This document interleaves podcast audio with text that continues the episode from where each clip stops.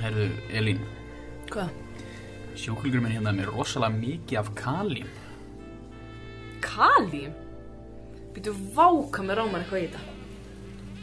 Hvað? Er þetta ekki eitthvað sem að Runalu var alltaf að tala um eitthvað þess? Hvar í fjandanum komst sjúklingur minn í kalím? Veistu hvað, hvernig er þetta að laga þetta? Ég veit ekki maður. Þú setja að drenur þetta eitthvað þess?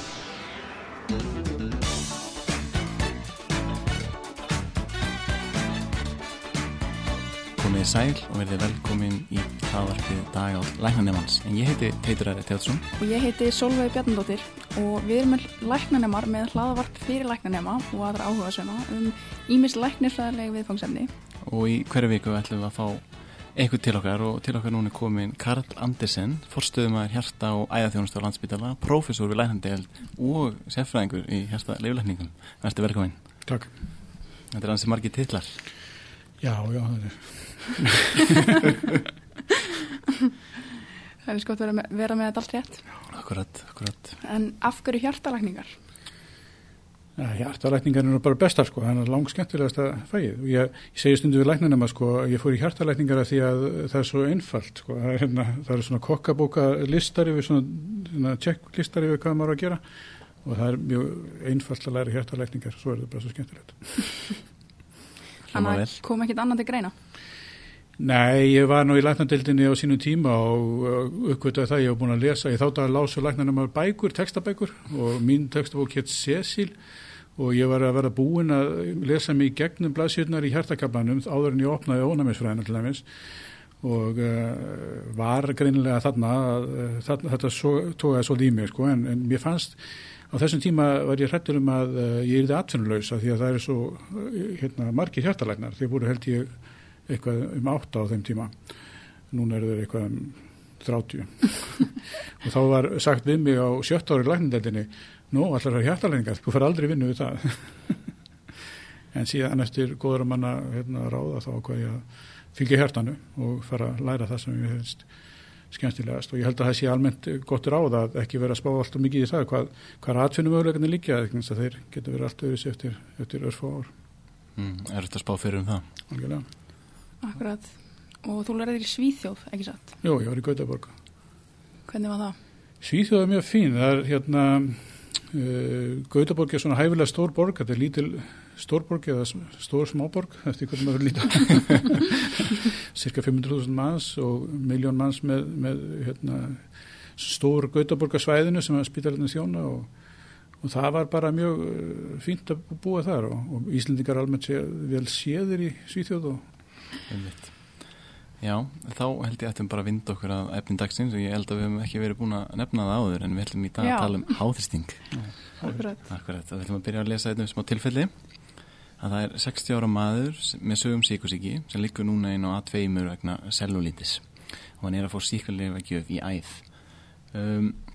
þú ert læknir á vakt og, og hjúkunarfræðingur veku máls að því að sjúklingur hefur verið háþristir í legu með mælingar frá 160 upp í 180 í systólu og frá svona 90 upp í 105 í díastólu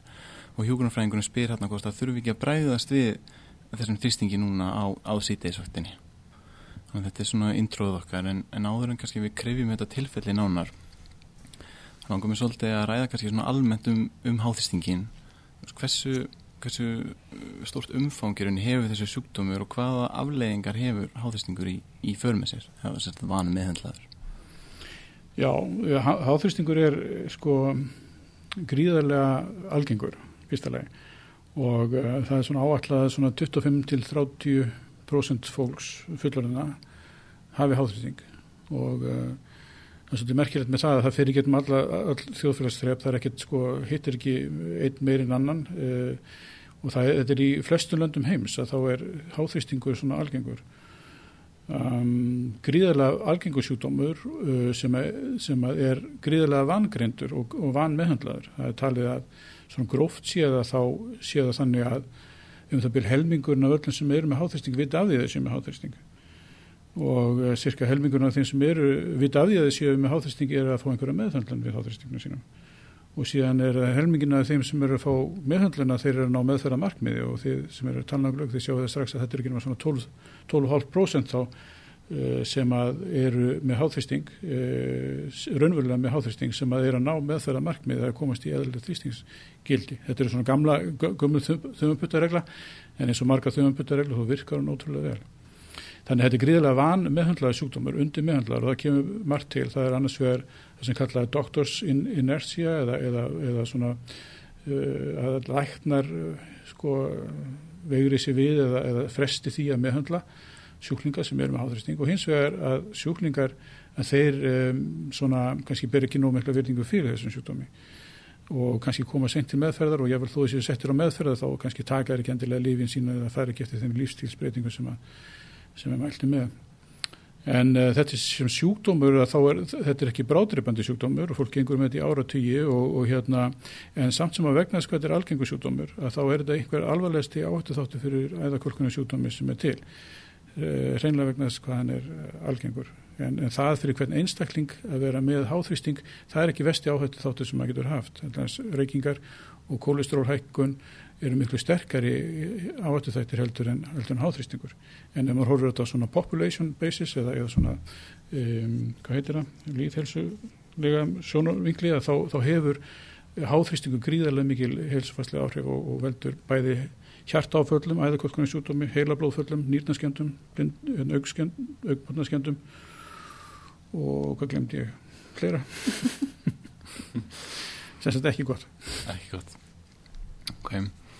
um, þannig að greinlega tækifæri hér allavega til þess að gera betur. Uh, en hvernig hefur þróunin verið á Íslandi svona síðustu áratíði með háþyrsting þar að segja, er þetta, er þetta búið að vera vaksandi algengi eða er þetta minka? Já blóðhrýstingur hefur verið lækandi uh, ef við horfum á tímanbili frá 1980 og fram til 2015 cirka þá hefur verið nokkuð stöðu lækun í meðaltals sístóli blóðhrýstingi hjá þjóðinni það með unna talsett miklu, ég man ekki tölun ég held að sé svona um, uh, 6-8 mm kvikkasilvus sem að munar í meðaltals blóðhrýstingi og þetta eitt og sér skýrir um, um það byl uh, fjörðungina þeirri áhættu eða nýgengislækun sem hefur verið á kransaða sjúkdómi eða kransaða stíplu á þessu tímabili síðustu 20-30 árum. Og hver er skýringin á þessu? Við höldum að það sé vegna þess að um, fólk hreyfi sér meira heldur en það gerði áður. Það er orðið tíska eða fara út á skokka eða fara í rektina. Um, það líka kemur til af breyttu mataræði og kannski beitt hérna, aukinni meðvutundum uh, áhrif salts á blóðþeistingin. Við, við borðum sem þjóð allt og mikið salti. Við erum eitthvað stær í uh, 12-14 grömm á dag af salti þegar það er mælt með að borða ekki meirinn 5 grömm á dag. Og þetta er aldrei merkjað með saltneðsluna hjá okkur að hún er að miklu, mjög stórun hluta eitthvað sem við ráðum ekki sjálf. Það er að segja um það byrju 80% af því salti sem við borðum kemur úr tilbúinum matvælum sem við kaupum út í búð, þægilegt og einfalt að skella í ofnum þegar við komum heim, kauptu eitthvað fljóðlegt, og þá fer maður og kaupir eitthvað fljóðlegt sem maður tekur bara 20 myndur og hitt upp í ofnunum. En það er alla líkur á því að þessi búið að salta þetta mjög vandlega og ástæðan fyrir því er svo að það sem er salt, að það selst betur heldur en það sem er ekki salt. Og uh, þetta er bara markaðsmál. Saman getur um bara tómatsósu og, og, og uh, þú veist, nánast hvaðina sem við borðum. Og á einhverjum ástæðan þá er það, verða fólk er svona salt sækið þetta er eins og hérna þetta er eins og hérna segir stundum sko eða popcornskála á borðinu eða kartofluflugur á borðinu. Hvernig hættir maður að borða kartofluflugunar þegar það eru búnar. Það er bara þannig potato chips, you can't just have one sagði einn amerikani sko. Hafið einhvern veginn gert það, ég hóa einu að kalla ja, það, takk, þetta er ágætt, það gerir það enginn. Þannig að við borðum salta því að það er einhvern veginn það sem er salt finnst okkur betra og við borðum meira því. Og hérna aflengin svo að blóðþristingurinn hækkar í okkur það hækkar kannski í okkur sem einstaklingum ekki neitt gríðarlega mikið, hann hækkar kannski um, hann getur hækkar kannski um 5 mm kveikasilvus uh, í að meðaltali en það hefur kannski náttúrulega er ekki æskilegt en en það hefur miklu stærri áhrif á líðhelsuna vegna þess að ef maður horfir á hérna, population level eða, eða hérna, þjóðina alla að þá er meðaltals blóðvísningshækkunum 5 mm hún leiði til þess að mun fer, fleiri fá heila blóðfall á hverju ári eða hjartablóðfall Þannig að þetta hefur mikla þýðing og þess vegna hefur verið unni að því að reyna að draga úr saltneislu í tilbúinum matvælum, til dæmis brauðum, það hefur verið reglugerðum það að það megi ekki setja ótakmarkað salt í brauð. Mhm. En það er náttúrulega fleira sem maður þarf að hérna, huga í sambandi við hérna, lífstíl heldur en hérna, mataræði er náttúrulega eitt og það er mataræði, holt mataræði og fjölbreytt mataræði. Um, það er líka reyfing eins og við nefndum áðan að hérna, eh, reglubundin reyfing hefur jákvæð áhrif á blóðþrýstingin. Það er að segja eh, að meðan maður er að reyfa sig sem, sem er fyrir að skokka eh, þá hækka blóðþrýstingur rétt á meðan en, en meðaltals áhrifin á, á blóðþrýstingin til lengri tíma er jákvæð og uh, ég held að það skýri hluta af þessari blóðþrýstingsleikun sem við höfum séð á Íslandi síðustu 20-30 árum að það er hvað reyfingir orðið miklu almenni heldur en hún var. Og svo erum við hægt að borða hangikjöt á Akkurat. lakrís, ekki gleyma lakrís en hann er stórhættilegur, ef maður borða 100 grömmar lakrís á dag, Helga Ágústa síndi fram á þetta þegar hún var veikar aldrei að uh, það var fyrsta rannsóndi sem Helga Ágústa gerði og hún síðan ekki hún hægt að hugsa um þetta það, er, hérna, það, er, það er það, ef maður borðar lakrís að þá trublast hormónin, ekki spyrjum mig hvaða hormón það er sem að, uh, trublast en það er aldostyrun líka áhrif. Þannig að maður fær háan þrýsting og hérna, hún síndi fram á þetta með plassubör og hérna kontrollerari rannsóknar sem hún gaf sjúklingum, ekki sjúklingum, fólki 100 grömmar lakrís á dag einhverja vikur og það hækkaði um blóðþrýstingur. svo, að þeir sem eru með háþrýsting ættu alls ekki og ég held að fólk ættu nú bara að sleppa lakrís yfir leitt sko. Mhm, einmitt. og maður á ekki að reykja heldur svo ég komið því. Akkurat. ekki bara út af háþrýstingu sem að veldur hækkun og þrýstingi heldur bara út af því að helmingunum þeir sem reykja þetta ég úr það fyrir aldur fram út af reykingum. Um, en hvenar myndu segja fólk sé háþrýst eitthvað mismönd eftir löndum hvernig er skilgreint, ég held að bandaringi skilgrein yfir 140 og, Já. nei 130 og Evrópa yfir 140 Uh, sk- uh, já, hvenar er hérna hve- hvenær miður við að fólk sé háþrýst og, og hver er þessi meðframörk sem þú talar um hversu látt, látt niður er neygur en að koma fólki í þrýsting Já, það er náttúrulega þannig að það eru því miður ekki alveg sko, eins uh, klíniska leiðbynningar í bandaríkjónum og í Evrópu. En það er svona svipað mjög til þér og við erum að muna það að þrýstingur, háþrýstingur er eh, svona samfeld breyta, sko, blóðþrýstingur er samfeld breyta og þetta að setja einhver mörg eh, sem er normalt eða of hátt, það er bara eitthvað sem einhver hefur ákveðið og það er eiginlega út, ákveðið út frá því að ef maður er yfir þessum mörgum þá hefur maður meiri skada heldur en af, af sjúkdónum heldur en af, af, meðferðinni þess að það borgar sig að meðhandla um, sjúkdómin. Í Eurósku guidelines eða, klíniska leiðbynninga kom út uh, 2018 og um, eru nokkuð skýr hvað þetta varðar. Það talaði um að hár blóðþrýstingur sé við 140 yfir 90 og síðan er talað um fyrsta styrks háþrýsting ef maður er milli 140 og 160 yfir uh, 100 og uh, annars styrks háþrýsting ef maður fyrir yfir 160 upp í 180 yfir uh, 110 og, það, og svo, svo um, þriðastiks háþrýsting þá yfir 180 sístólu. En síðan er, uh, hvað er fyrir neðan þá háþrýstingsmörkin sem er 140-90, það tala um optimal, uh, optimal blóðþrýsting ef maður er undir 120 og 8, yfir 80, það er optimalt.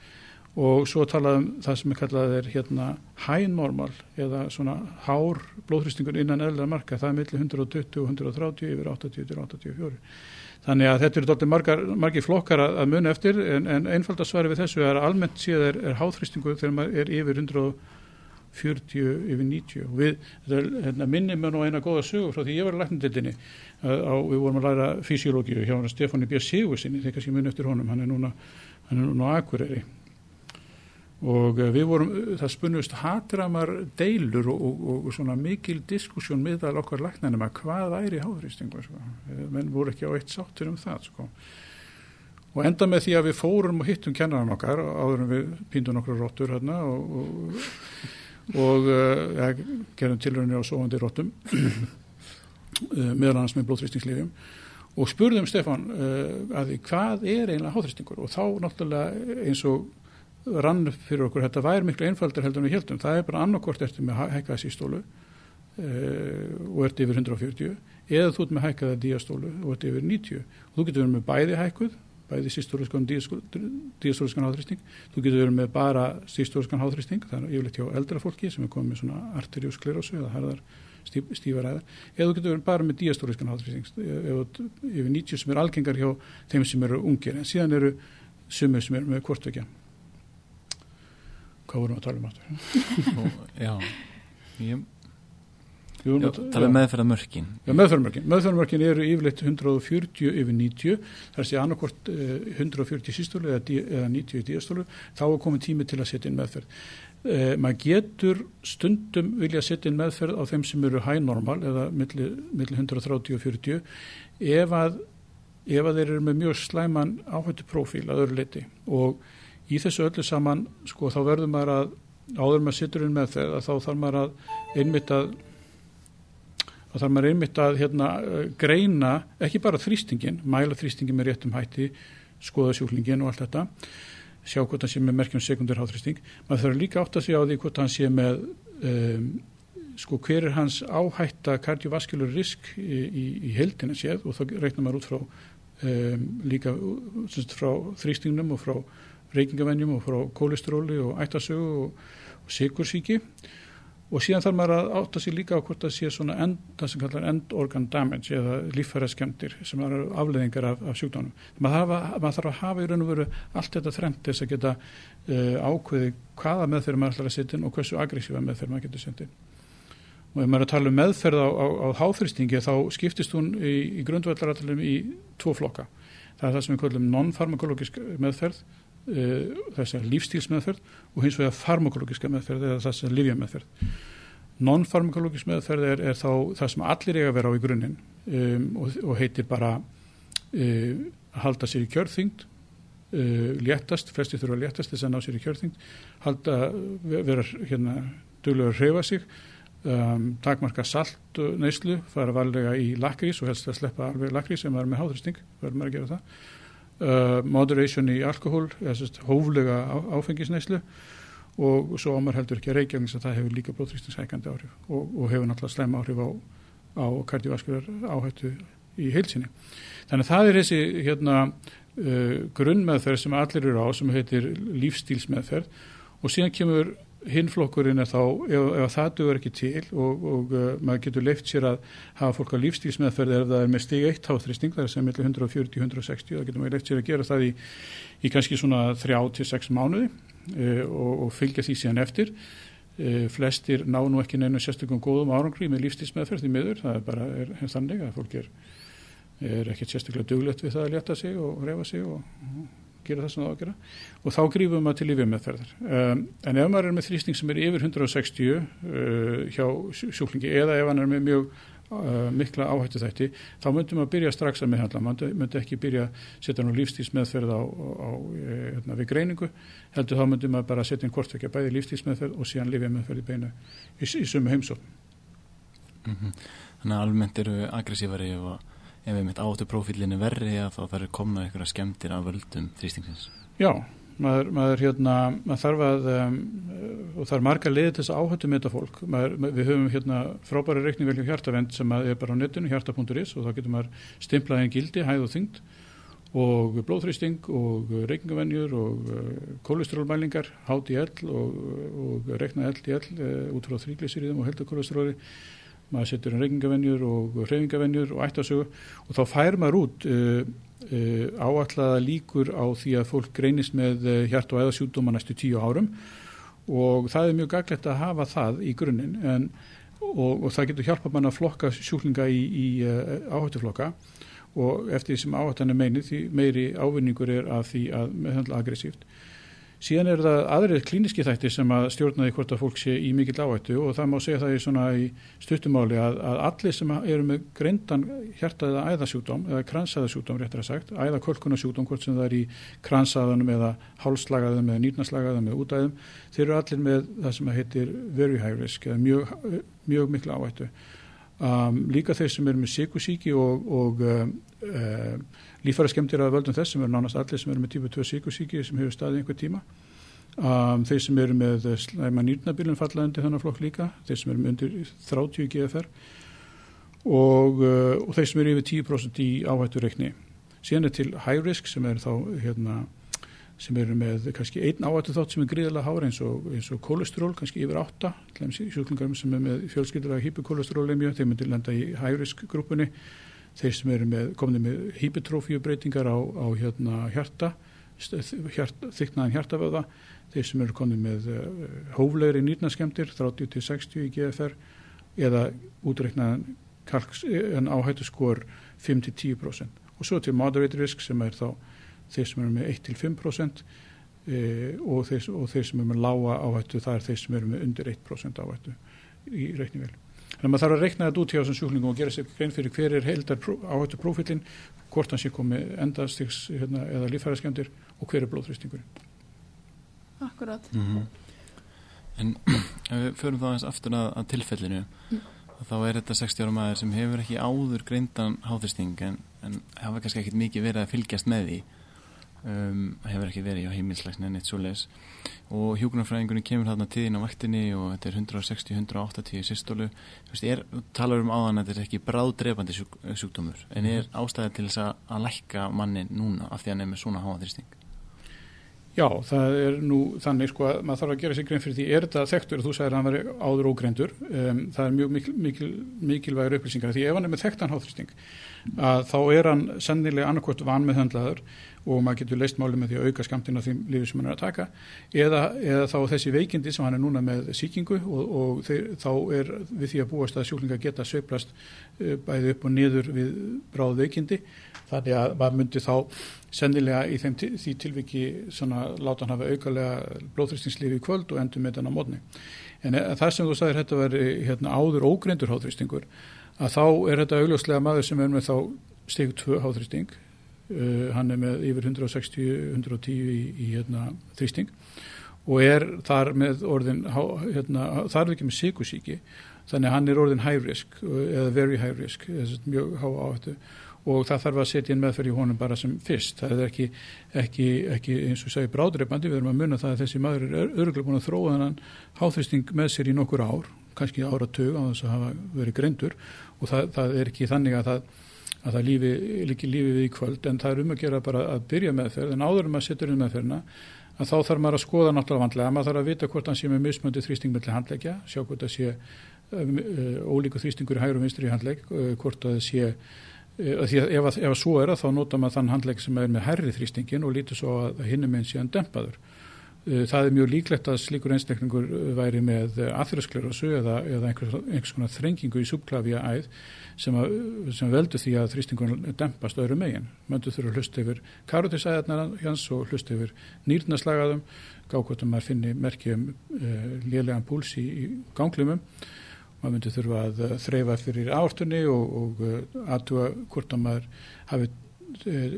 trúa því að hann sé með nýrna skada, stakku nýru eða prótinúri og taka prótinmælingar í þvægi og almennan elektrítastatus, maður þarf að mæla hjá natrium, kalium og kreatinín og átt að segja því hvort að kreatinín sé hæg hvort það sé hugsalega með nýrna skemmtir sem getur vel verið með annarkvæmt prímert eða sekundert þess að sem orsök fyrir háþrýstingum eða afleðing um, að þetta að, að, að aðtöga kalium að því hann er með, með það getur sagt mér til um það hvort að hann sé með hyperaldosteronisma og átt að sjá því hvort að hann sé með kæfisöfn til dæmis sem er mjög algengur sjúkdómur og, og leiðir af sér um, oft erfiðan og ill meðhundlanlegan þrýsting. Nú þegar maður er búin að fara í gegnum þetta allt saman og, og er búin að samfæra sig um það að þetta sé raunveruleg þrýstingur, þetta sé ekki bara tilfallandi og þetta sé ekki vegna mælingaskekki og, og maður er búin að fara og fá profílan á hann um þessu manni, þá er komin tími til að setja hann á meðferð. Með lifju. Akkurát, mm -hmm. en, en svona ef við erum ennþá stöttið þessum aðstæðum á vaktinni við hvaða gildi myndir að hafa bara svona virkilegar áökjur og hlaupa til og setja strax inn einhver lif á kvöldvaktinni? Þú segir bara byrjaði að hringi kandidatin en alveg, já, en, en, en sko maður myndi byrja með þessum sjúkningi, þá myndi maður byrja bara með töflumeðferð og hann myndi bara fá fyrstu töflunni kvöld. Og uh, ef hann væri með hjartabilun, bráði hjartabilun og, og, hérna, og verulega háan þrýsting þá, þá er það orðið akutmála lekkan og þá myndum við að gera það með intravennuslifjum um, ef hann væri uh, með sko það sem heitir hérna, malignant hypertension. Ef hann væri með neurologisk enginni um, og, og þá fylgja því nú oft breytingar í augbótnu þó við séum ekki alltaf duglega við að skoða í augbótna þá eigum við nú að gera það og, en, en ef, ef sústaða kemur upp maður með malignant hypertension eða, eða með um, um, hjartabilun sem, uh, sem afleðing þá þarf maður að lækka og þá gefur maður intravenuslif oftast nýturglýsirinn þess þess að ná þrýstinginu hratt. En við göngum út frá því að þessi maður sé bara með svona ekki akut situasjón, hann er þetta út af öðru og þá myndum maður starta honum og þá byrja maður, maður hefur fimm lífið fyrir okkar til að velja á milli. Það eru rasaktív lif, það er eisblokkerar eða ARP-lifin sem að, maður tekur annarkortir, ekki bæði því að maður á ekki að blanda þeim saman Númið tvö er, er uh, þagræsilif, uh, þíasíð típu hérna, þagræsilif Númið þrjú er kalsíumantagonistar sem eru til nokkra tegundir af. Númið fjögur er betablokkerar. Og númið fimm er um, hvað meira, komið ekki spírunulektan spírunulektan myndi lenda þarna það er þessi líka. Rétt sko hjá þessum, hjá lang flestum að þá er ástæða til að byrja með kombinásjónsmeðferð eða samsetta meðferð uh, sem er þá annarkvæmt ACE pluss þvægræsilif eða eða ARB pluss þvægræsilif sem er kannski uh, oftast valinn um, ARB er þá lif eins og lósartan eða valsartan eða kandisartan. Og uh, með í þeirri töflu er þá hydroklórþíasíð sem er mest notað af okkar þvægræsilifjum í blóðþrýstingsleikandi tilgangi og þau vinna mjög vel saman vegna þess að uh, þau hafa bæði ein og sér blóðþrýstingsleikandi meðferð en uh, ARB eða ACE parturinn eða rasblokkandi áhrifin af uh, þessum livjum þau mótverka áhrifin sem að þíasíðlifin hafa til þess að kinda undir með reynin angiotensinkerfinu. Og sumulegis með kaljum trublanir sem maður getur fengið hipokalimíu af því að síðum og það svona mótverkar það að maður hefur hann líka á ras. Þannig að, að rasblokkjárandi lífi þannig að hjá langflöstun sjúklingum þá myndum maður byrja með lif eins og lósartan hydroklórþíasíð eða, eða valsartan hydroklórþíasíð og hjá þessum sjúklingi myndi ég byrja bara á 100 uh, pluss 25 af lósartan og þíasíði eða 160 12,5 til 25 af valsartan hydroklórþíasíð Um, það myndi vera fyrsta líf og maður, maður þarf ekki að vera feimin við að gefa þetta í sæmjölum sköndum þegar þrýstingun er svona hár og þetta er ekki mjög aldraður sjúklingur síðan eru náttúrulega kalsímantökunarstandi það eru svona það, það, í, við elendis eru þau kalsímantökunarstandi til í blöndu með rasaktíflöfum hérna á Íslandi er bara til eitt lif sem heitir X-Forge sem er valsartan og, og uh, amlódupín sem að væri hægt að nota líka, það er svolítið dýrtlif uh, og hefur ekki fengið mikla útbreyðsla á Íslandi.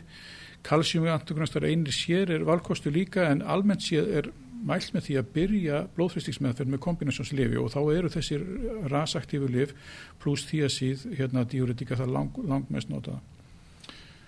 Mm -hmm. Þannig að akkurat, þannig að bara við tökum í daginn saman, við erum með þessa flokka einmitt, mm -hmm Við ætlum að byrja með samsættir meðferð mm -hmm. út af því að hann er uh, bærið til að ná betri stjórnum þrýstingnum og líka kannski að því hann er í hærisk og með þennan háa, eða veri hærisk og með þennan mjög háa þrýsting mm -hmm. og svo þetta með því að síðan að þau er það ekki að ræsa raskerfið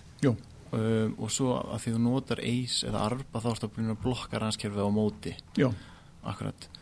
um, og kannski tvent í þessu uh, maður er svona, því að síðan leifir kannski allræmt fyrir svona elektrolíta trublanir mm -hmm. Uh, hefur verið sérstakar ágjur af því og svo líka því hún minnist á betablokkirana hversu effektífur eru þeir í að, í að lækka þrýsting? Sko það má segja að öll þessi blóðþrýstingslækandi lif hafa svipuð blóðþrýstingslækandi áhrif og hluturinn er sá að maður getur fyrirfram ekki vita hvernig fólk svarar um, þannig þetta er svolítið trial and error í raun og veru og uh, þess vegna áðurinn kemur því að þá er ætla ég að segja það að betablokkjarinnir hafa dottið úr því að vera sko í, í hérna fyrir nokkrum árum þá var sagt bara taktu bara það sem vilt. Og hérna á tímubili var voru atenolol og aðri betablokkjarar svona gríðilega mikið ofnóta hérna á Íslandi. Það voru, fólki var sett bara á atenolol um leið og grindis með háþrýsting sem í mínum huga er og í, í samkvæmt nýjastu gæðlans er ekki, ekki rétt, rétt meðferð. Betablokkjarinnir kom inn sem cirka þriðja eða jáfnvel fjórðarlið í, í blóðfrískingsmeðferð nema aðra ástæðu sem að sem að gera það að verkum að við vill hafa sjúklingin á betablokki, til dæmis angina eða post-infart sjúklingur sem er búin að fá kransæstíflu, hann á náttúrulega að vera á betablokki vegna þess að það hefur vendandi áhrif á, á, á hann að fá, endurtökinn hjartaföll og það hefur dreifur hans anginaverkjum. En, um, og það eru til nokkur svona almenna reglur en, en hérna yfirleitt þá er betablokkir komnir út, út á kortinu svolítið nema sem þriðið eða fjörða lif um, já, ma maður það er, það er mælt með að gera kombinásosmeðferð og maður getur gefið kalsíumantugunist og eisblokkir saman, það er allt í lagi en það er bara svo þægilegt að gefa í einni pillu. Og það sem er meira er að eftir því sem meðferð, meðferðin er einfældari, ein pillu á dag um, sem kombinar kannski tvö aktív liv að þá verður compliance betri eða hérna, meðferðarheldnin sjúklingunum er líklega til þess að taka lifin sín og, og sætta sig við lifjameðferðina eftir því sem hann tekur færri pillur En stýrist þetta líka að einhver leiti af aldrinum? Já, sko það búið að gera örmul af, af stúdjum og einmitt þess að reyna að, finna út sko hvaða lif hendar hverjum og einum. Og uh, það voru fyrir uh, svona 20 árum gerðar margar rannsóknir þar sem að kannski bendi til þess að strók áhættan, ávinningunar strókmingandi áhættan mingaði meira til þess að kalsimangtugunistum hjá öldruðum kalsímantugunistar þólast almennt mjög vel og, og þeir, þá losnar við daldi að þessu vandamáli sem því að síðan hafa sem eru ortostatismi og, og þetta, þeir sem eru orðin aldraðir geta verið svolítið viðkvæmir fyrir, fyrir þessum ortostatisku áhrifum af þvægræsilifjum þannig að vissulega eru svona kalsímantugunistarnir eru kannski alltaf örug með ferð en, en aftur á móti þá verðum við munast til því að kalsímantugunistarnir þeir þeir hjálpa manni ekkert í sambandi við hérna, enda, end organ protection eða það að segja að þeir vend ekki nýrun og það er einn, verulug á, ábati við að nota rasakti í lif eða þau eru nýrna vendandi. Ég vil þó að sjúklingunum sé með eðlilega helbrið nýru og hann er bara greinist með háþristing á bestaldri og setið inn hérna setið inn uh, rasakti í lif, eisblokkar eða arblokkar uh, þá þá, þá mingar prótinúria og þá mingar hérna prógress af nýrnaskemdum sem að blóðþrýstingu veldur. Það fáið ekki af betablokkjarnum eða kjálsimenturkvæmstar. Þannig að það eru greiðilega mörg rauk sem stýða það að nota ACE-ARB uh, kombinásjónum við því að síð hjá, hjá flestum, getum við sagt. Akkurat. Og sérstaklega hjá þeim sko áður fyrir var að tala um það ef þú komið með hypertrofíu í hjarta að þá, eða, eða prótinúriu og það er enþá þannig sko, maður reynir að nota þessi lif sérstaklega hjá þeim sem eru komið með hypertrofíu sem við veitum að það, það hefur vendandi áhrif á hypertrofíu, drefur úr hypertrofíu það hefur vendandi áhrif á nýrun en maður þarf náttúrulega að passa sig sko. Þeir sem eru með nýrna, skerta nýrnastasemi þeir geta líka farið í vestandi nýrnabílun sérstaklega þeir eru með bílateral hérna, renalartir í þrengsli. Þannig að maður þarf að eh, fara varlega og þegar maður setur inn þessa meðferð hjá okkar ágæta manni á, á, á deildinni að þá þurfum við að passa að taka baseline hérna eh, blóðgildi og meta nýtna funksjón og við þurfum að tjekka á því aftur innan ekki langs tíma, kannski einna tveggja vikna eitthvað svolítið Þannig að einmitt það hefur verið talað um svona að, að í eldra fólki að mm. þá kalsingangablokkari sé fyrsta lif og ACE-ARB í yngri Já. en þá mikilvægt að hugsa út í nýrun og þannig önd organ skaða Já. þá myndir rauninni vilja að nota ACE-ARB Já, ACE-ARB með, með sko varkáni þannig að maður passa sig að, að, að steipa ekki sjúklingum með nýrnabilun, það er náttúrulega vil maður ekki gera og maður þarf svona að vera vakandi fyrir því að þú veist, vandin er við blóðsvísingsmeðferði er oft þannig að fólk er bara sett á líf og svo er það sett bara bless. Og það, það er ekki nógu hérna lækningsfræði vegna þess að sko í fyrsta lagi er það þannig að, að það er ekki náttúrulega tveir þriðjur hlutar af sjúklingunum sem svara ákveðinu lifi um, þú sittur inn lif eins og, eins og og ef þú ætlar ekki að kontrollera þá hefur ekki hugmyndum það, það er eitt þriði líkur á því hann sé ekki að svara þessi lifi og svo kannski kemur hann eftir ára því að vantar hérna, uh, vantar hérna uh, eitthvað annað og, og þá kemur ljósan með nákvæmlega sama þrýstinginu sem var hérna fyrir árið síðan. Þannig að þá er maður búin að glata tækifærin í heilt ára að ná tökum á þessum þrýstingu, þannig að maður þarf að fylgja því eftir með reglulegum mælingum, þánga til maður búin að ná tökum á þrýstingnum og uh, það gerir maður ekki öðru sem að fá hann í heimsókn og endur, endur taka mælingarnar og sjá hvernig hann þóli lifið, hvernig það fer í hann, er hann með aukaverkanir, er það ná árangri.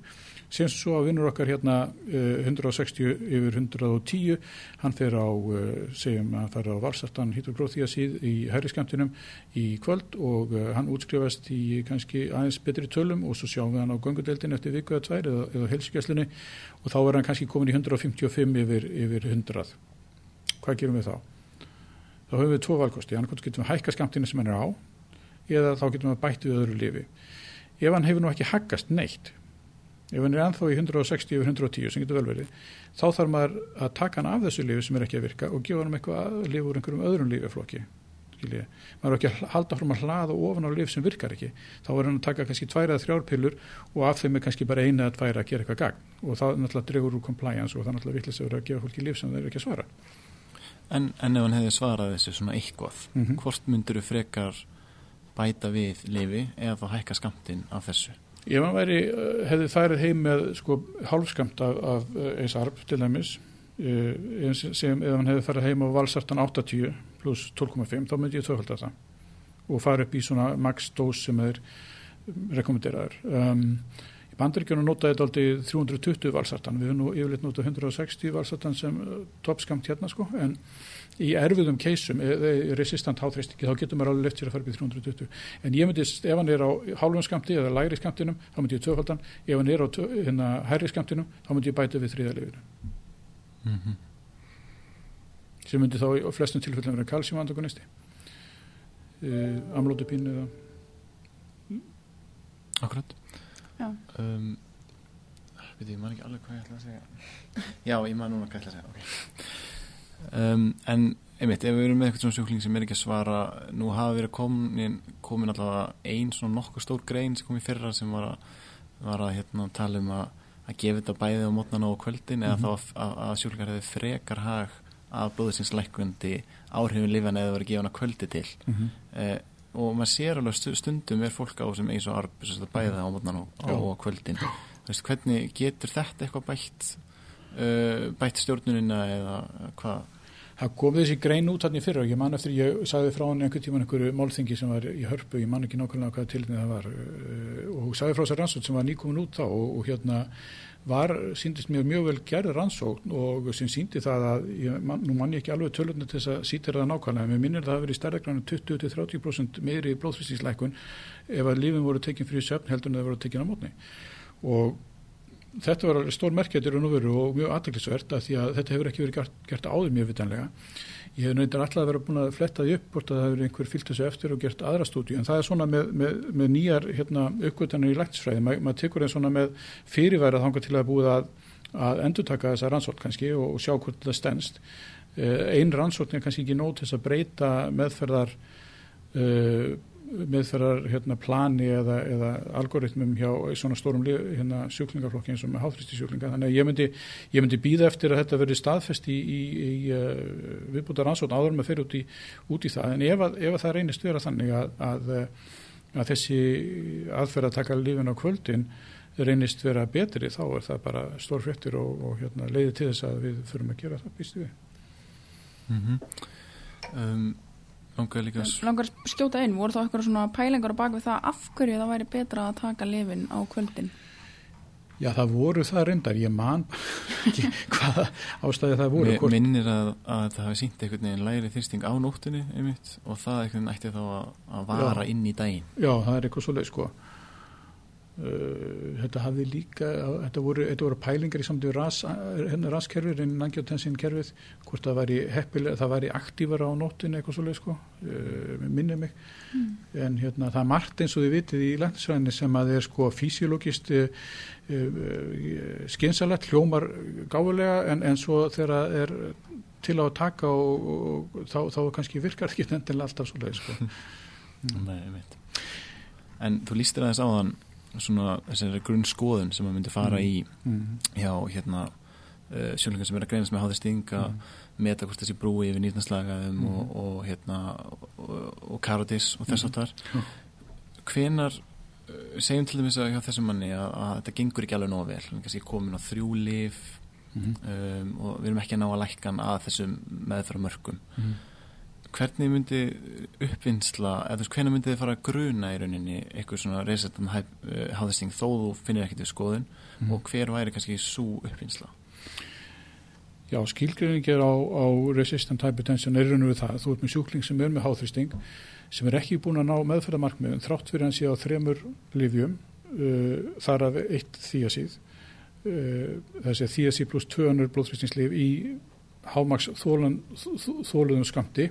og sé samt sem voru ekki kontrolleraður. Uh, það er resistant hypertension og þegar maður er með það þá náttúrulega gruna mann alltaf og þarf að fara í gegnum það hvort að það sé stað, hvort sé sekundir háþrýstingu, hvort það sé afleðing þá af einhverju öðrum sjúkdómi sem að gæti verið til dæmis uh, eins og nendir hérna, nýrnaðar þrengsli, bílateral nýrnaðar þrengsli og gæti við koartasjó ártunni, sjálfgjáfi sjúkdómur en, en vissilega vann greindur og það greinist cirka einn á áru á Íslandi með koartasjó og er yfirleitt greint þegar að vera að leita einhverju öðru. Það verður að gera ástagrafíu út af einhverju öðru eða fara með einhvern í hærtatræningu og þá kemur það í ljós. Uh, að því að fólk hefur oft mjög lítið lenginni um, það getur verið kæfisöfni og við nefndum á þann, það getur verið primary hérna, aldosteronismi það getur verið uh, já, nýtnabilu náttúrulega. Uh, sjálfmæki sjúkdóma sem getur valdið svona uh, erfiðum háþristingi sem svar eitthvað með þeir já. Og maður, sko, ef maður fær sjúkling sem er mjög ungu líka, ef þú greinir háþrist ekki á badni, þá, þá, þá er það nánast uh, mjög há hlutvall af, af, af hérna um, af hérna resistant eða sekundar háþristing hjá, hjá þeim. Og uh, fólk alveg upp undir svona þrítugt sem er greinast með, með háþristing, þá myndir maður hafa það í huga og líka ef þeir svara illa sko, þá, þá fyrir maður að hugsa þetta. En það er ekki, ekki ástæði til að skima alla sem að maður greinir. Háþrýstingur er svo algengur sjúdómur að maður getur ekki sett alla í svona uh, ekstensífa hérna, hérna, greiningu á því hvort að þið séu með kóartasjó eða en maður getur þreyfa púlsa perifert og maður getur komist bísna nálætti, maður getur hlusta á nýrnaslagaðar og maður getur svona átt að sjá hvort þessi sjúklingu með fibromuskular dysplasiu til dæmis og það er hægt að gera ímins uh, konar test ef maður grunnar eitthvað til þess að hjálpa manni á, á þá leið. Um, og það er náttúrulega grunnrannsóknir í, í áður maður starta meðferð eða svona um leiðum að starta meðferð er náttúrulega þessi sem við tölum um áðan almennur blóðstatus, elektrolítar kreatinín, skjálkitishormón kólestról til þess að átta sig á hérna, áttu prófílunum um, nýrnafunksjónspróf þvag, proteinúriu hérna, mikroalbúminúriu um, og svo tekum maður yfirleitt og maður er alltaf að taka hjartalínur þetta því maður getur náttúrulega séð út af því hvort það sé merkið um hypertrófi á hjarta og ef maður hefur einhver grunu um það þá gerir maður hjartóman um, já, gerir fundoskópíu eða sendir sjúklingin til einhvers sem kann það og af því að þú nefnir kæfisvepp uh, hversu mikil áhrif hefur hann og, og svona hversu lágan þröskuld hefur fyrir því að skima fyrir kæfisvepp hjá þeim sem verður með resistant háþrýsting? Já, þeim sem er með resistant háþrýsting þá maður alltaf hugsa um kæfisvefn og reyndar hjá fleiri eh, háþrýstingslingum áður en þeir vera resistant þá maður að hafa það í huga. Um, Kæfisjásjúklingar þeir geta verið þannig að þeir eru bara eins og næstum maður en þeir geta líka verið hafa svona útlýslega enginni sem kveikir oft á pyrrunum þeir eru oft feitlagnir eru oft með lítinn munn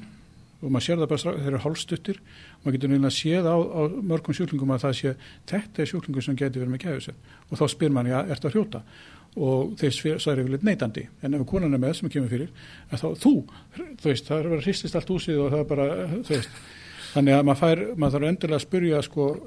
hérna spúsuna eða eigin mann eða eigin konu e, og hérna vegna sem maður fær allt unnusvör og hérna það er um að gera og láta sér þetta í hug, gruna það og ef maður er óviss þá bara panta maður söfmælingu eh, ef maður er með kæfisöfn að þá getur maður alveg glemt í að ná nokkuð tíman tök á, á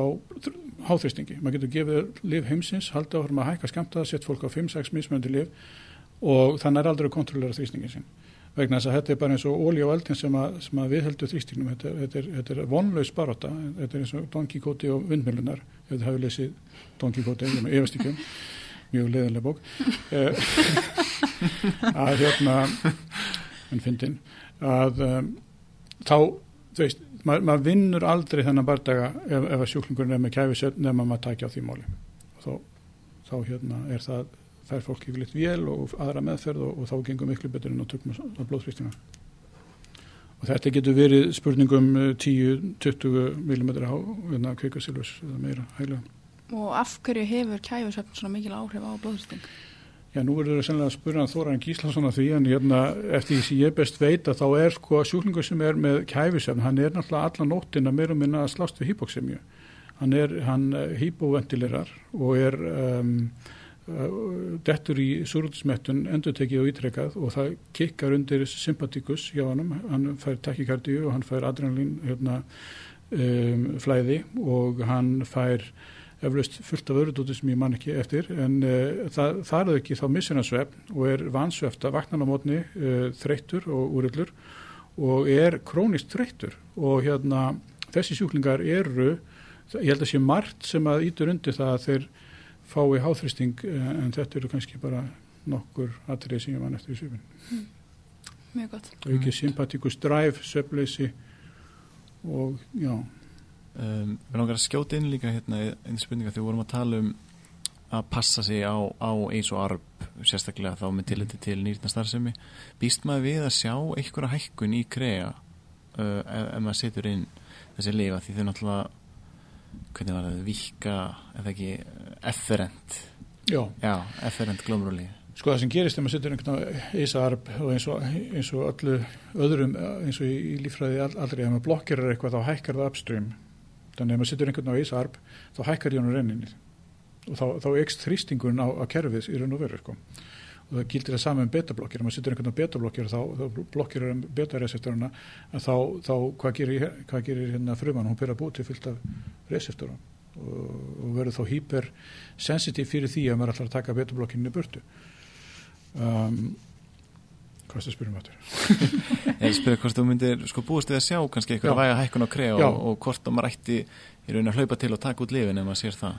Já, sko, maður, sko, maður hefur eitt, eitt, góðan sjans að mæla reynin aldurstyrunoksulun og það er áður maður byrjar með þessi lif, sko. Ef maður leiðum að búin að starta þeim að þá þarf maður að, þá er þetta alltaf erfitt að gera sér grein fyrir aldurstyrun hérna, og reynin hjá þessum sjúklingum þegar maður er búin að starta því. Þannig að ef maður hefur einhvern minnstagrunn þá á maður að mæla og það er kannski ekki tekið hjá öllum um háþristing en maður, það er eitthvað að naga manni bak við eira, þetta gæti nú verið hérna, hérna, sekundir þrýstingur, þá, þá myndi maður þá myndi maður taka þessa mælingu og hérna til þess að hafa það í baseline. Um, sko það maður búast við því að, að kreatinin hækki já uh, hjá sjúklingur sem fara á, á þessi líf og maður getur acceptera svona alltaf 30% hækkun í, í kreatinin gildi að maður ætla að hafa svona einfalda þjóðanputtarreglu það er þess að einhver sem er í hu- 90, hann getur skriðið upp í 120, 125 áður en maður fara að bakka með lifið sko. ef maður, maður sér þessa breytingu, maður sér að fólk gera hækkandi kreatinin, þá myndir maður náttúrulega fara varlega og mónitrúra það þéttar áfram en það er alveg við því að búast að geti verið einhver, einhver uh, hækkun á, á, á, á kreatininu við þetta og af því þú talaðar um að, að skilgjörningin á resistant háþristingi er sagt út með þrjú lif þarna í hæstu þólanlegu skömmtum. Já, Hvað er það helst sem veldur því að fólk þólar ekki lifinu og getur ekki farið upp í hámarksskamt? Já, það er sko eins og eisblokkjarnir, það eru margir sem fá hósta af þeim og, og get ekki tekið þess að þeir eru arbarnir notaðir uh, meira býst ég við í blóðþrýstingsmeðferð heldur en heldur en eisblokkjarnir uh, áður fyrir var það, það komið setna á markaðin og, og þá, áður en þeir koma á markaðin þá voru eisblokkjarnir miklu meira testaðir. Nú er uh, eisblokkjarnir kannski gemdir aðalega fyrir hjartabilun en, en hérna ef maður er með ókomplisinnan háþrýstinga þá er arbarnir yfirleitt fyrsta lif og er, þá fær maður ekki hósta af, af arblifjónum sko. Það er náttúrulega hlutar eins og svimi og, og blóðþrýstingsfall, um, betablokkjarnir eru leiðinlegir þeir valda náttúrulega þreitu og uh, söfn, uh, trublanum, uh, martröðum og impotensi og köllum. Um, spínurlakton veldur náttúrulega gynokomastíu og, og, uh, og uh, impotens líka. Þannig að og, það er, er ekkit óalgengt að fólk sé með aukaverkanar þessum lífum, en af þessum lífum öllum saman þá, þá eru nú aukaverkanar prófílinn svona hagstæðustu fyrir ACE-blokkarana, neða ARB-blokkarana segja og kalsíumantikonistana þið þólast einlega best en það getur verið mjög einstaklingsmyndu og það, er önnur ástæði fyrir því maður þarf að sjá þessa sjúklinga sérstaklega når maður byrja meðferð og þángar til maður er komin inn í meðferða markmið þá þarf maður að sjá það og endur tekið þángar til maður er nokkuð annað með, með hvað þeir liggja meðferðamarkmiðan er ekki þau sömu eins og, eins og sko, mörkin á hver maður byrjar. Maður byrjar yfirleitt í 140-90 af meðhandla þrýsting. Um, eins og ég sagði áðan, 140-90 til 150-90 þá getur maður leift sér að byrja á, á lífstísmeðferði 36 mánu, yfir 160 þá maður að, að fara að setja þenn samhliða lífstísmeðferð og líf. En meðferðamarkmenn eru yfirleitt sko að maður vil, vil maður fá þrýstingin hjá flestum nýri svona 130 yfir 80, einhvers þar þar. Um, og, en ekki undir 120, maður vil líka bílinu 120 til 130 þetta er svolítið aggressívari eh, viðmið heldur um voru bara í síðustu gætlan sem kom út fyrir einhverjum 5 eða 6 árum, það eru verið svona aggressívari hérna, viðmið í þessu heldur um voru þannig að maður er ekki sætt að sig við það að ná sjúklingi sem er kannski á besta aldri og frískur að ná hann í 140-90 það er engin ástæð til að stoppa þar, maður er að fara niður, niður í 130 og helst aðeins undir 130 Mm -hmm. En svo veist mér maður líka oft lendi í því inn á deildum að maður er með sjúkling sem að svona sveiblast svolítið í þrýstingi stundum er hann klárlega yfir maður horfir okkur tölur 150-60 í systólu Mhm. og svo mælast hann bara fín Mhm. uh, þess á milli 120 Mhm. Hvað, hvernig á maður að meðhandla þessa sjúklinga? Sko ég var eins og þingi, háþristi þingi uh, sem var mjög leðanlegt Ég trúi þínu en þá satt ég í sal með á auditorium með, með einhverjum háþristi spesialistum sem kom frá öllum heiminum og það stendur maður upp á sviði og hann er ekki að tala, sko hann er að tala við fólk sem bara lifur og hræðist í háþristingi og hann segir þetta hvernig mælum er háþristing segir hann, jú, maður tekur sex mælingar og hendir þeim og svo tekum við meðtala næstu sex mælingum. Eh, og það er enginn sem gerir það náttúrulega. En sko það er mjög mikilvægt þegar maður að mæla háþristing að eins og ég segi áðan að maður, tekkar að mennskust í fyrsta skipti hvort það sé mismöndi millir hæru og vinstri. Að því gefnu að það sé ekki eða maður, maður tekur þann handlegg sem er hæri um, þá, þá þarf maður að mæla sjúklingin þegar hann er búin að vera í kvíld sitjandi, afslappaður bestu ástæð, hann á ekki að tala, hann á ekki að vera getandi, hann á ekki að vera reykjandi hann á, hann á vera bara í svona hérna, í góðu hérna, afslappu ástandi og þá mælir maður hann og svo letur maður eina, tvei mínútur eh, líða og mælir hann aftur. Og það, er, það er mjög oft þannig að þau mælir kannski fyrstu mælingin er kannski 155 yfir 100 svo gefa hann tvær mínútur mælir hann aftur þá er hann komin neyri 145 yfir, yfir 90 og það sem að gera þá er að maður heldur bara áfram að mæla hann með mínútu, tvekja mínútu millibilin þá til hann nær þessu platói. Hann, hann, hann stoppar einhver staður 135 yfir 80 þá er það raunverulega þrýstingurinn hans ekki þessi fyrstu 155 heldur svo sem að hann mælist við, við endurtegna mælingar og þið getið tekið að tala um að taka taka endurtegna mælingar eh, það meiri breyting en tíu systólu uh, milli mælinga og taka síðan meðtalið að næstu tveimur eitthvað svo leið sko. En, en aðalatriðið það, það að mæla einu sinni blóðþrýsting eh, getur gefið falska hækkun, falsk hækkaðatölur svo maður þarf að, já, maður þarf að yfirleitt, eh, maður, ef maður er að ákveða hvort að maður ætlar að setja einhvern á meðferð og maður er að greina háþrýsting, þá þarf maður, ég mæla oft blóðþrýsting svona 6-8 sinnum þegar áður en ég hérna staðfesti það að hann sé með og þá þarf maður að dokumentera, þetta er þrýstingun eftir svona langar kvíld um, og mælt í þessum handlegg. Veist, og, og kannski gefum maður upp í fyrstu mælingu hvernig er sikurum megin. Og þannig að ef hann kemur aftur og það, það, það, það er til fólk sem kemur um, og segir ég, er alltaf að mæla þrýstingin uh, svona 120-80 og svo mælum að þrýstingum hann er 150 og hérna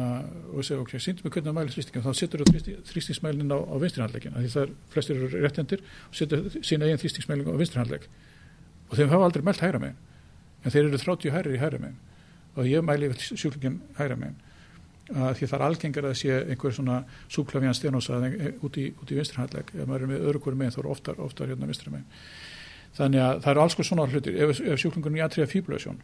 þá veitum við hvað gerist, þá, þá er púlsinn varjærandi, þá bylið milli errerindivalið er breytilegt og það verður stærri, stærri púlsbylgja eftir því sem að lengra er á milli QRS-kompleksa. Það er að segja við, hérna, þannig að, að púlsbylgjan verður mjög mismunandi há og þetta setur sjálfvirkamæla, flestir nota sjálfvirkamæla, setur það alveg í rugl, þannig að, að þessi sjálfvirkamælar þeir eru mjög óáreiðanlegir í atrial fíbulösjón.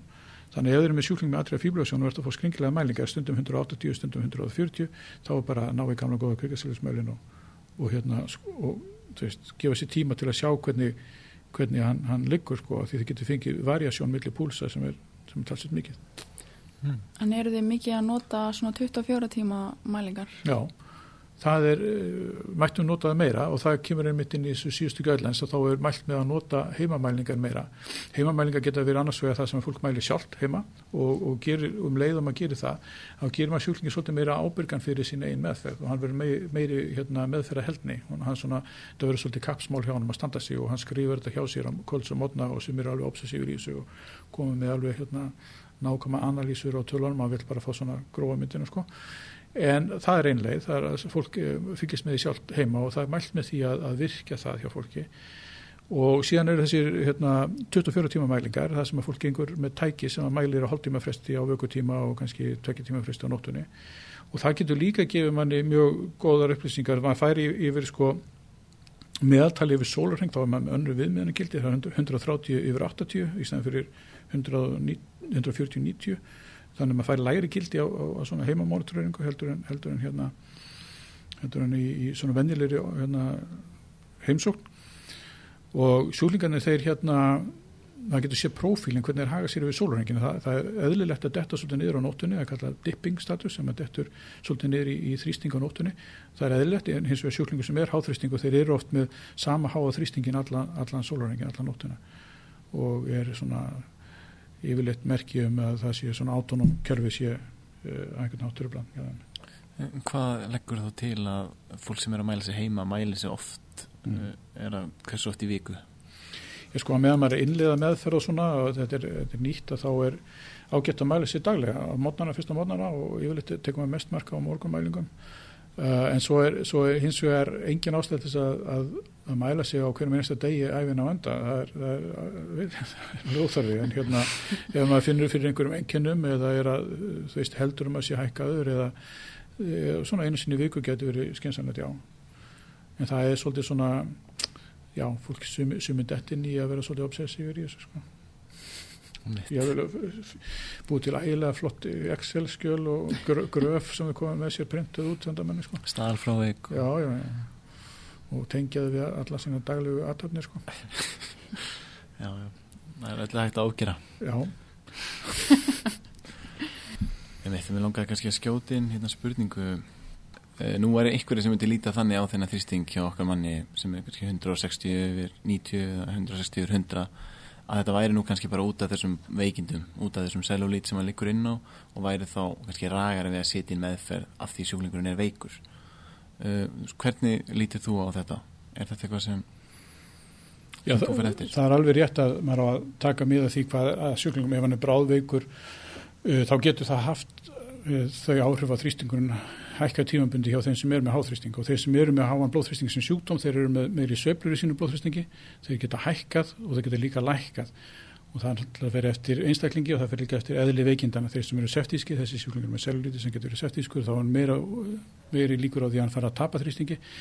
En það er alveg rétt að þegar maður er að horfa á hann uh, núna þá er þetta ekki baseline, hérna, gott baseline ástand til þess að kannski meta hans uh, blóðþristing hvernig hann er í, í, í normal ástandi.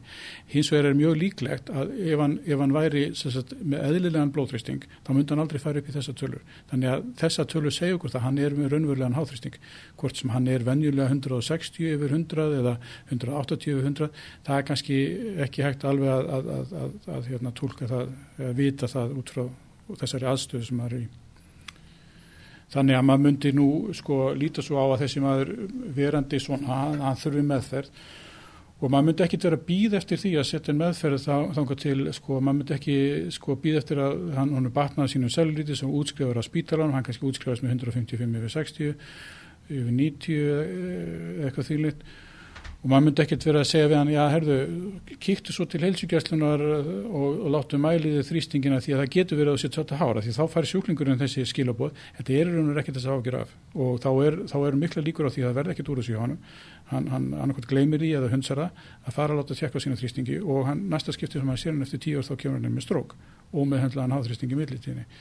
Þannig að við höfum mun eftir því að nú höfum við sjúklingin hjá okkur og við höfum tækifæri til þess að grípa hann og við ætlum ekki að láta það tækifæri renna okkur úr greipum. Þannig að þetta er alveg mikilvægt í þessu samtíð. Það gerir ekki til þótt við yfir með höndlaðum hann aðeins og hann kemur inn eftir, eftir hérna, viku eða tvær í, í eftirlit og er, og er þá komin nýr í 120, gerir bara ekki til, þá getum við bakkað bara aðeins. Þetta er mikil, mikil, mikilvægir hjá þessu sjúklingi að starta með það. Emmitt, nýta tækifæri. Já. Emmitt. Þannig að við erum búin að fara yfir, fara vel yfir háðstingin þetta við erum búin að fara yfir hva, við hvaða mörku við erum að miða hversu, hversu láttu við erum að fara með þessa sjúklinga uh, hvaða lifir hægt að nota og hvernig við ættum að gruna mögulega eitthvað sekundari orsök fyrir háðistígnum en hvert væri svona take home message fyrir læknarina, Karl? fyrir læknanum og alla lækna myndi ég segja að, mun eftir því að, að hár blóðþrýstingur er gríðarlega algengur sjúkdómur hjá okkar samfélagi og hefur gríðarlega mikil heilsufarslega áhrif uh, ítur undir æðakorkunni sjúkdóm heila blóðfull, hjartáfull, nýrnaðaskemdir uh, aukbótnaskemdir og fleira. Þannig að og, og því fyrr sem maður hérna, byrjar meðhundlunna því meiri árangri nærmaður og maður mingar þær hérna, skadalega afleggingar sem háþristingun hefur. Þannig að e, um að gera uh, vera vakandi fyrir áþristingi byrja með rannsakarsjúkningin almennilega og, og meta hvort hann sé með sekundær áhrif, hvort hans, hans heldar á alltaf sé aukin og byrja meðhundlun því fyrir því betra.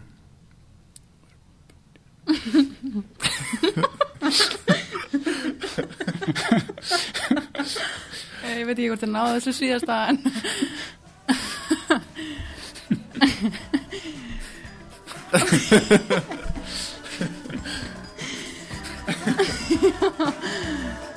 对